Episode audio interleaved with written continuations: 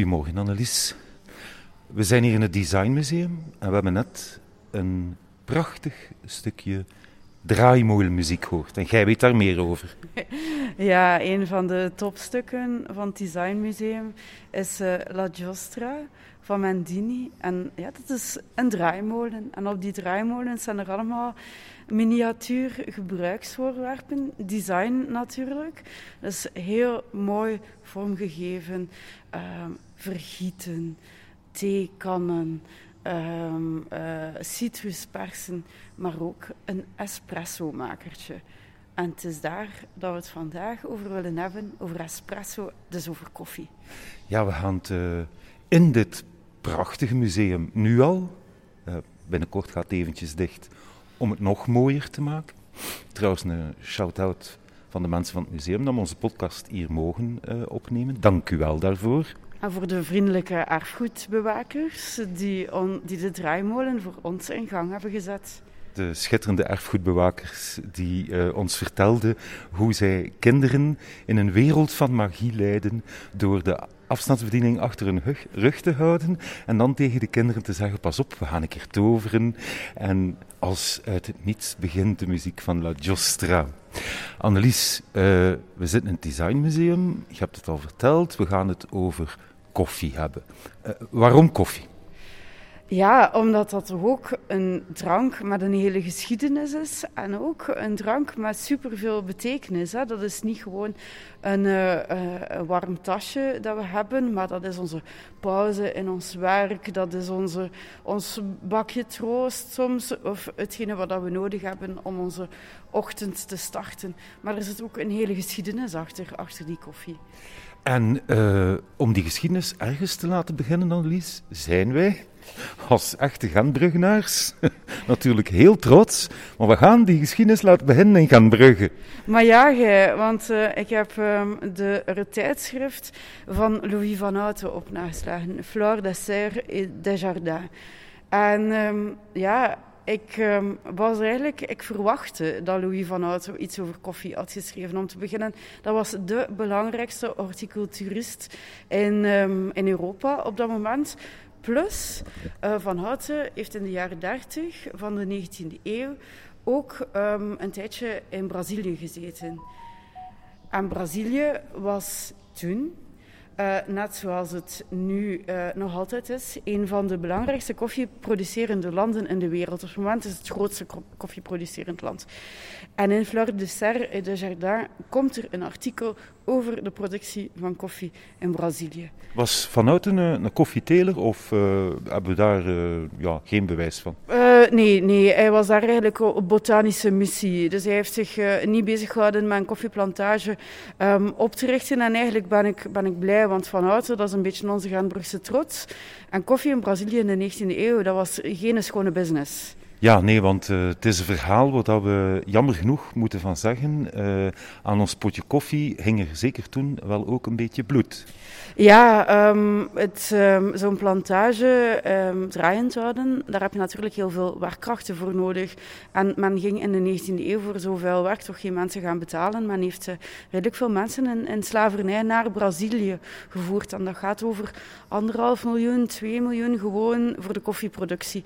En ook in dat artikel van Fleur de, de, uh, van de Ster de Jardin, vanuit heeft dat niet zelf geschreven, wordt dat eigenlijk ook een beetje onder de mat geschoven. Die, Hoezo?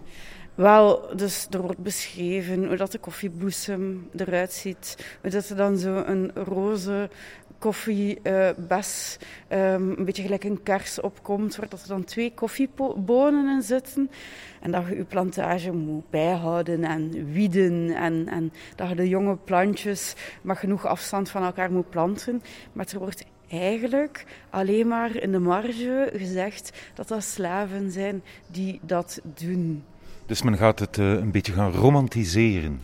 Uh, men gaat het gaan romantiseren en men gaat eigenlijk alleen maar de slaven vermelden als het gaat over de financiële aspecten van de zaak. Want ja, zo, slaven die moesten gekocht worden, waren op een bepaald moment ook moeilijker te krijgen. En dan waren er sommige slavenhouders die gingen ja, kweken met hun slaven.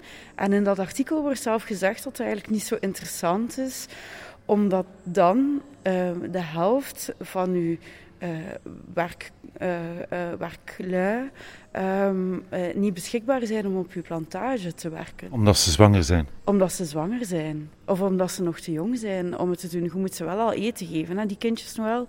Ehm, dus koffie in de ogen van de auteurs van de artikel, dat, is, dat zijn Hauser en Claras, is niet zo winstgevend, omdat die slaven zoveel kosten. Mooi zo. Uh, we spreken hier over uh, begin van de 19e eeuw. Mhm. Was koffie populair hier bij ons in Gent? Ja, eigenlijk wel. Want je hebt op dat moment dan al, al koffiehuizen waar je samen kan komen, waar je kan discussiëren over politiek, uh, je kan spelletjes spelen. Um, koffiehuizen zijn eigenlijk vanaf de 17e eeuw toch um, een vaste waarde in de belangrijke Europese stad. Ja, sommige historici zeggen dat uh, de Franse revolutie begonnen is in de koffiehuizen. Hè? Ja, dat, dat wordt um, ook zo vermeld in ja, contemporaine bronnen, dagboeken, dat um, de koffiehuizen een plaats is waar dat arm en rijk samen konden komen om van gedachten te wisselen. In Engeland, waar dat koffiehuizen vanaf de 17e eeuw echt inhang vinden, worden nooit ook penny universities genoemd. Dus een plek waar dat je voor weinig geld um, uh, bij een goedkopere koffie toch, um, um, uh, ja, toch slimmer kon worden. Als ik aan koffie denk, Annelies, of aan geschiedenis van koffie, dan ik kan fout zijn, maar dan denk ik ook altijd aan, aan, aan Turken. Je zit helemaal juist. Um, dus het is um, op um, uh, in het Arabisch Schiereiland in Turkije um, dat het drinken van koffie eigenlijk uh, erg populair is geworden. er, er, waren ook problemen daar. In, in Mekka in de 15e, 16e eeuw wordt gezegd dat die koffiehuizen zo een beetje een plaats zijn waar, waar dat onrustig was. Mensen kwamen daar samen om te discussiëren. En zoals dat dan gebeurt, discussiëren mensen over de dingen die ze niet leuk vinden. Ja, dus koffiehuizen waren in die zin soms gevaarlijk voor de gevestigde waarden. Ja, gevaarlijk en ook um, verboden. Uh, er zijn ook um, uh, politiereglementen uit Gent waar dat het vermeld wordt dat er, dat er van alles misloopt in die koffiehuizen. En uh, ja, dat wordt best in detail beschreven. Dat gaat over ongeregeldheden en debauchen. Ja, um, in uh, huizekes of de kelders, ver, daar verkopen de thee en café. Dus dat is een soort achterkamertje. Die mensen hebben geen licentie, die um, hebben zo'n soort bivakje waar dat ze een uh, potje koffie verkopen. Politieke coffeeshops. Uh, ja, ja, ja, ja. Maar het grootste probleem is dat er daar um, uh, jongens en meisjes al daar te gader een geld verteren met kaart- en teerlingspel de tijd verdreven. Dus ze daar koffie te drinken en gokspelletjes te spelen. En dat brengt heel veel overlast met zich mee. Um, en uh, het politiereglement zegt zelfs dat ze ja, zo krap in kas komen door, door die koffie en dat, die gokspelletjes, dat ze aangeleid geweest zijn om te begaan verschillende dieften, om geld te bekomen, om in dergelijke huisjes en kelders te verteren. Maar zalig toch? Ja, en weet je wat het ergste van al was? Die nee. koffiehuisjes, die betaalden geen belasting. Maar komt dat weer? Ja. Nu, um, in uw voorbereidend werk, Annelies, heb ik gelezen, en uh, mijn anglofiele hart ging alweer gaan kloppen natuurlijk, dat onder andere uh, Samuel Pepys, die gekend is voor zijn dagboek en die over de grote brand van Londen schrijft, dat dat ook een notoire koffiehuisbezoeker was. Ja, en, en dat is des opmerkelijk omdat die koffiehuizen dan nog niet zo lang in Londen gevestigd waren. Hè. Het eerste koffiehuis in Londen komt er in 1650 en het is een paar jaar later al dat Samuel Pepys al vermeldt dat hij met zijn vrienden op café is geweest. Want ja, café is ook afgeleid van het woord voor koffie. Hè. Daarvoor ging je naar de herberg of de kroeg of de wijnkelder. Maar opeens ga je op café om koffie te drinken. Zouden de, de waarden uit de kroegen en de wijnkelders dat gemerkt hebben? Uh, ik bedoel, was er plotseling minder interesse in kroegen en, en andere dingen waar ze bier en wijn verkochten en ten voordele van de koffie dan? Geen idee. Het klinkt mij chic om, op, om koffie te kunnen gaan drinken. Ja, het is wel zo dat het in zekere zin toch een ander publiek was dat aangesproken was, omdat die koffie een stuk duurder was. En wat ik er ook wil bij zeggen, is dat die koffie denk ik niet zo goed gaat geweest zijn. Dus men maakte een grote kan in het begin van de dag en men liet die kan heel de dag op het vuur staan. En in die kan zat er ook geen filter. Dat is gelijk Turkse koffie. Dat was water en, uh, en koffie. Um, uh, en, en, dat bleef daar de dag staan. Dus dat moet verschrikkelijk geweest zijn tegen Dus degene die op het einde van de dag, aan het einde van de kan, uh, een koffietje dronk, die had koffiegruis. Ja, ja, dat kan niet anders. Hè. Nu, die koffiecultuur is dan wel blijven bestaan, want als we kijken naar de dag van vandaag, uh, niets is zo chic als uw krantje te kunnen gaan lezen, ergens in Gent, in een leuk koffiehuisje. Er zijn er de laatste jaren ook enorm veel bijgekomen. Um, de job van barista is niet hoe populair. Dus het is wel een cultuur die ontstaan is, maar die blijven duren is. Ja, nu denken we dat die hipster koffie dat dat iets vrij recent zou zijn. En ja, de manier dat we ze nu maken, dat is natuurlijk aan de tijd gebonden. Maar koffie in Gent heeft een lange geschiedenis. En we hebben het geluk om in Gent ook een aantal koffiehuizen te hebben die um, die, die geschiedenis nog uitademen.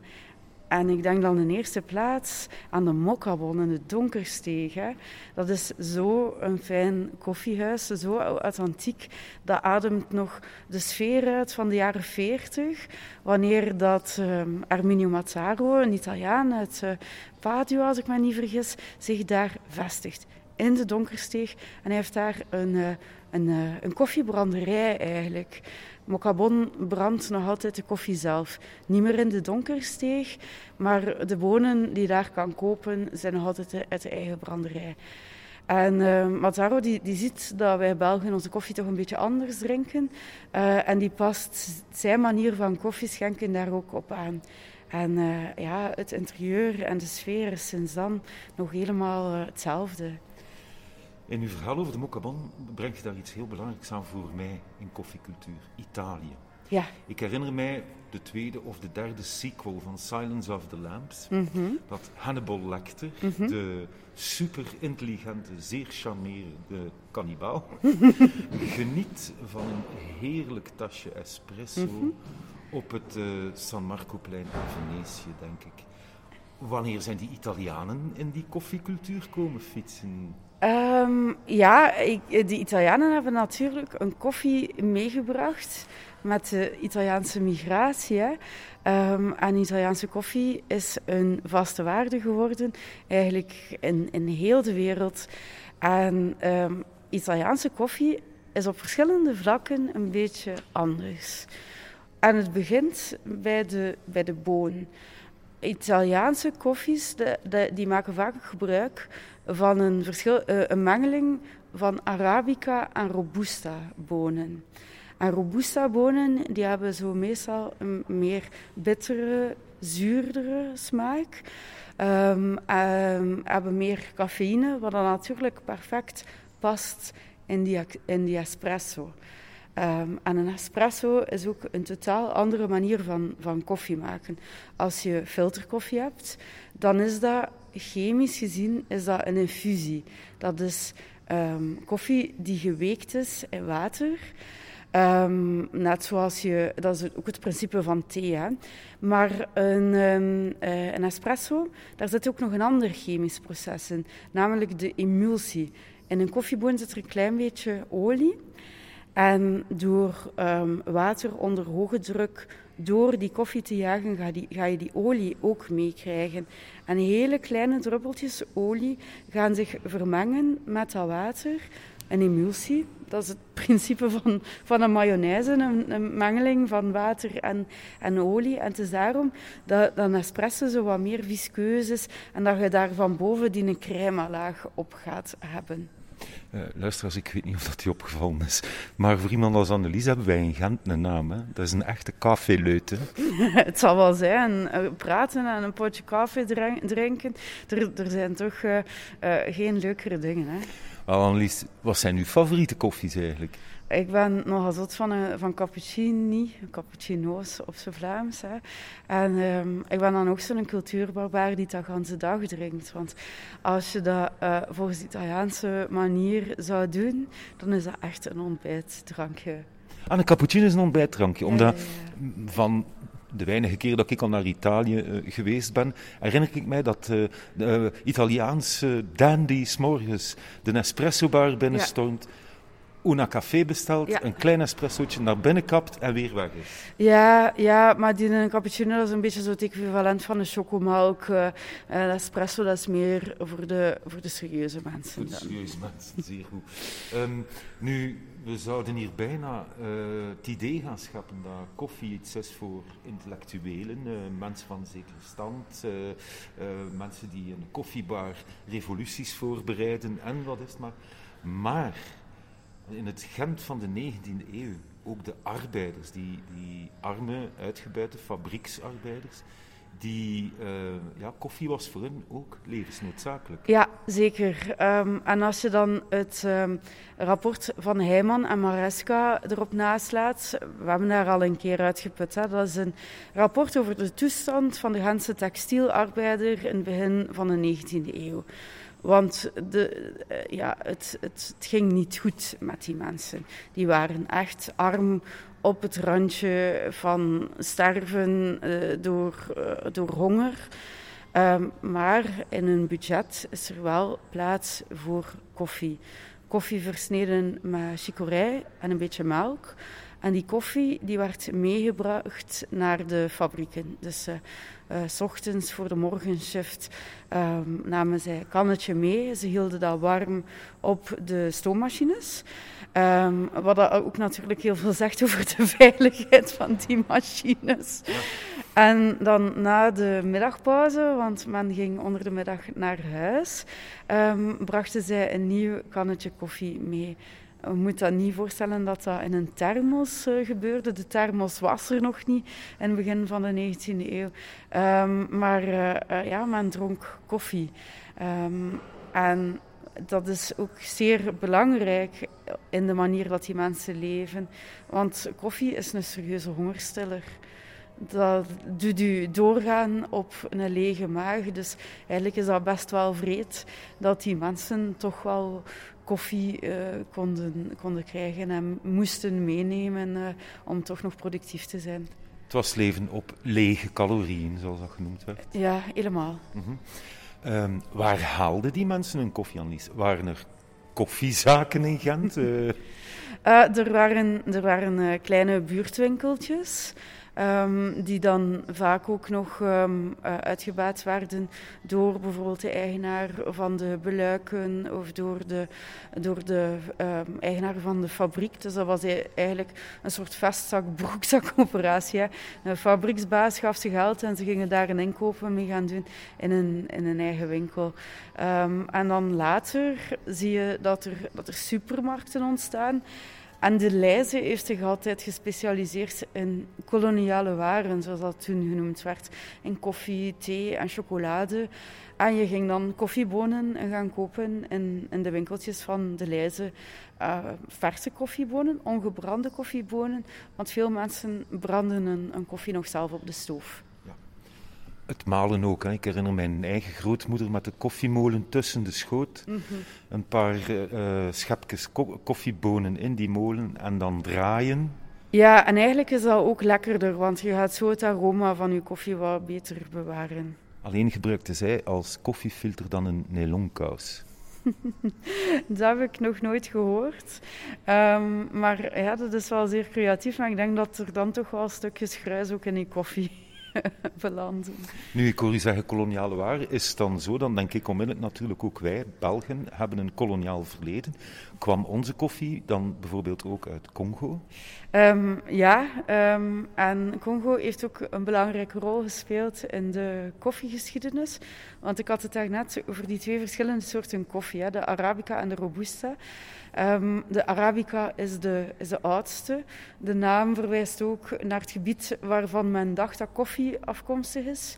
Ehm, koffie is niet afkomstig uit Arabië, maar uit de uh, kanten van Ethiopië. Maar wat, het, de naam is ingeburgerd geraakt. Maar die Arabica, dat is eigenlijk een hele lekkere aromatische koffiesoort. Die is uh, vatbaar voor ziektes. Uh, koffiebladroest, vraag mij niet wat dat is, maar het klinkt heel erg eigenlijk. Mm um, en um, op een gegeven moment stuurt de Belgische staat um, een botanicus naar Congo om nieuwigheden te zoeken voor de wereldtentoonstelling van 1900 in Parijs. En um, daar um, wordt de Robusta ontdekt, een koffieboon die um, bestand is tegen die koffiebladroest. Het woord zegt het zelf, Robusta. Ja, ja, en eigenlijk kun je die bonen heel gemakkelijk van elkaar onderscheiden. Een Arabica heeft zo een S-vormige nerf en een Robusta heeft een rechte nerf. Um, en um, ja, eigenlijk was die ontdekking van die Robusta, die was er vooral een keer ontdekt. Um, en de botanische naam is uh, Canifora. Maar die Robusta, dat is, dat is blijven hangen. En dat is ook hetgene, de naam die we nu, nu nog gebruiken in, in de koffiecultuur. Zo, eventjes terug naar, uh, naar Gent misschien. Die koffiehuizen, in de, in de 17e, 18e, 19e eeuw. Waar vond men die? Was dat in het centrum van de stad? Ja, ja, ja. De, de eerste die vind je in, um, in de buurt van de... Uh, ja, eigenlijk op de Korenmarkt. Uh, Huis het Wit Kruis of het Wapen van Zeeland.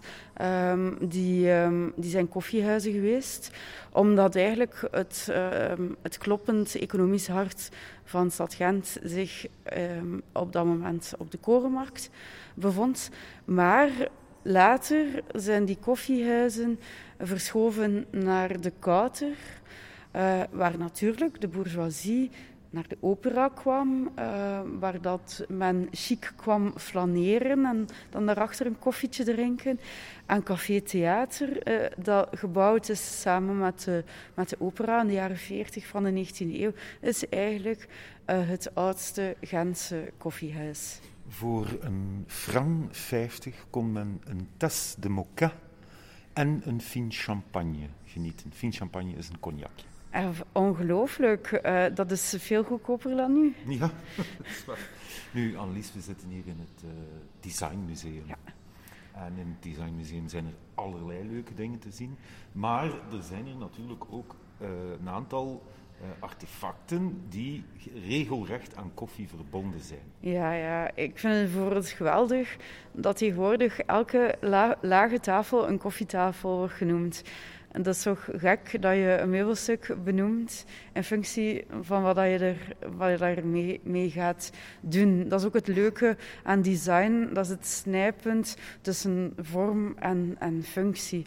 Um, en met de koffietafel gaat het zelfs nog verder, want je kan zelfs een koffietafelboek hebben. Dus een boek dat je kan leggen op de tafel waar dat je koffie op kan zetten. Het is toch heel fascinerend hoe dat worden gevormd Ja, fantastisch. Hè? En pas op, koffieboeken, dat zijn niet zomaar boeken. Het zijn vaak heel mooie boeken. Heel, heel met prachtige boeken. foto's of kunstwerken in. Het uh, zegt ook iets van koffie die dan enigszins wel een opwekkend product is, maar ook eigenlijk gebruikt wordt om tot rust te komen. Ja, koffie heeft een, een enorme betekenis. Hè? En dat, dat zie je ook aan bijvoorbeeld rijkelijke koffieserviezen. Hè? Er staat hier een koffieservies van zilver ingelegd met ivoor. Dus er zijn zo kleine ivoren knopjes aan om, om, om, om, om het, uh, je, je suikerpot open te doen. Dat is, dat is enorm duur. Um, we hadden het daarnet al over die draaimolen van uh, Alessi en, en Mandini. Uit diezelfde designersfamilie staat er hier ook een heel mooi koffieservies. Um, uh, dat zeer kostbaar is, zeer mooi vormgegeven. Dat, dat ga je niet doen met een drank die, die een lager elan heeft. -hmm.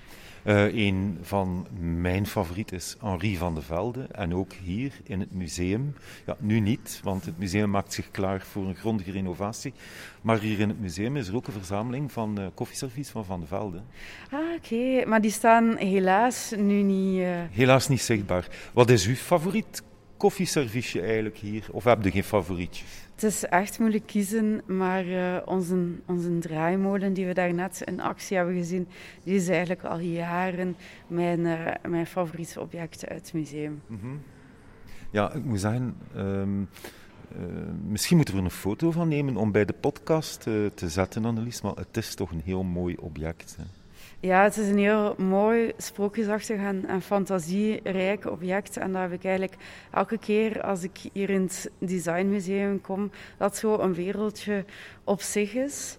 Um, je bevindt je een beetje in een droom waar dat alles super mooi is. Um, en ik ga het eigenlijk wel missen uh, wanneer dat dicht gaat zijn. Ja, ik ga het designmuseum ook enorm missen. Uh, wij komen hier ook vaak zo'n keer op een vrij moment. En je beschrijft het eigenlijk prachtig, Annelies. Het is, het is wandelen in een droom en het is ook uh, wandelen tussen een enorme wolk van creativiteit. Het is ongelooflijk wat uh, het menselijk vernuft kan, kan maken en, en mooi kan maken. Dus inderdaad, het zal een beetje gemist worden. Annelies, ik denk dat we aan het uh, einde van onze podcast gekomen zijn. Weet je wat, ik ga je tracteren op een potje koffie. Fantastisch. Tot de volgende keer. Tot de volgende keer.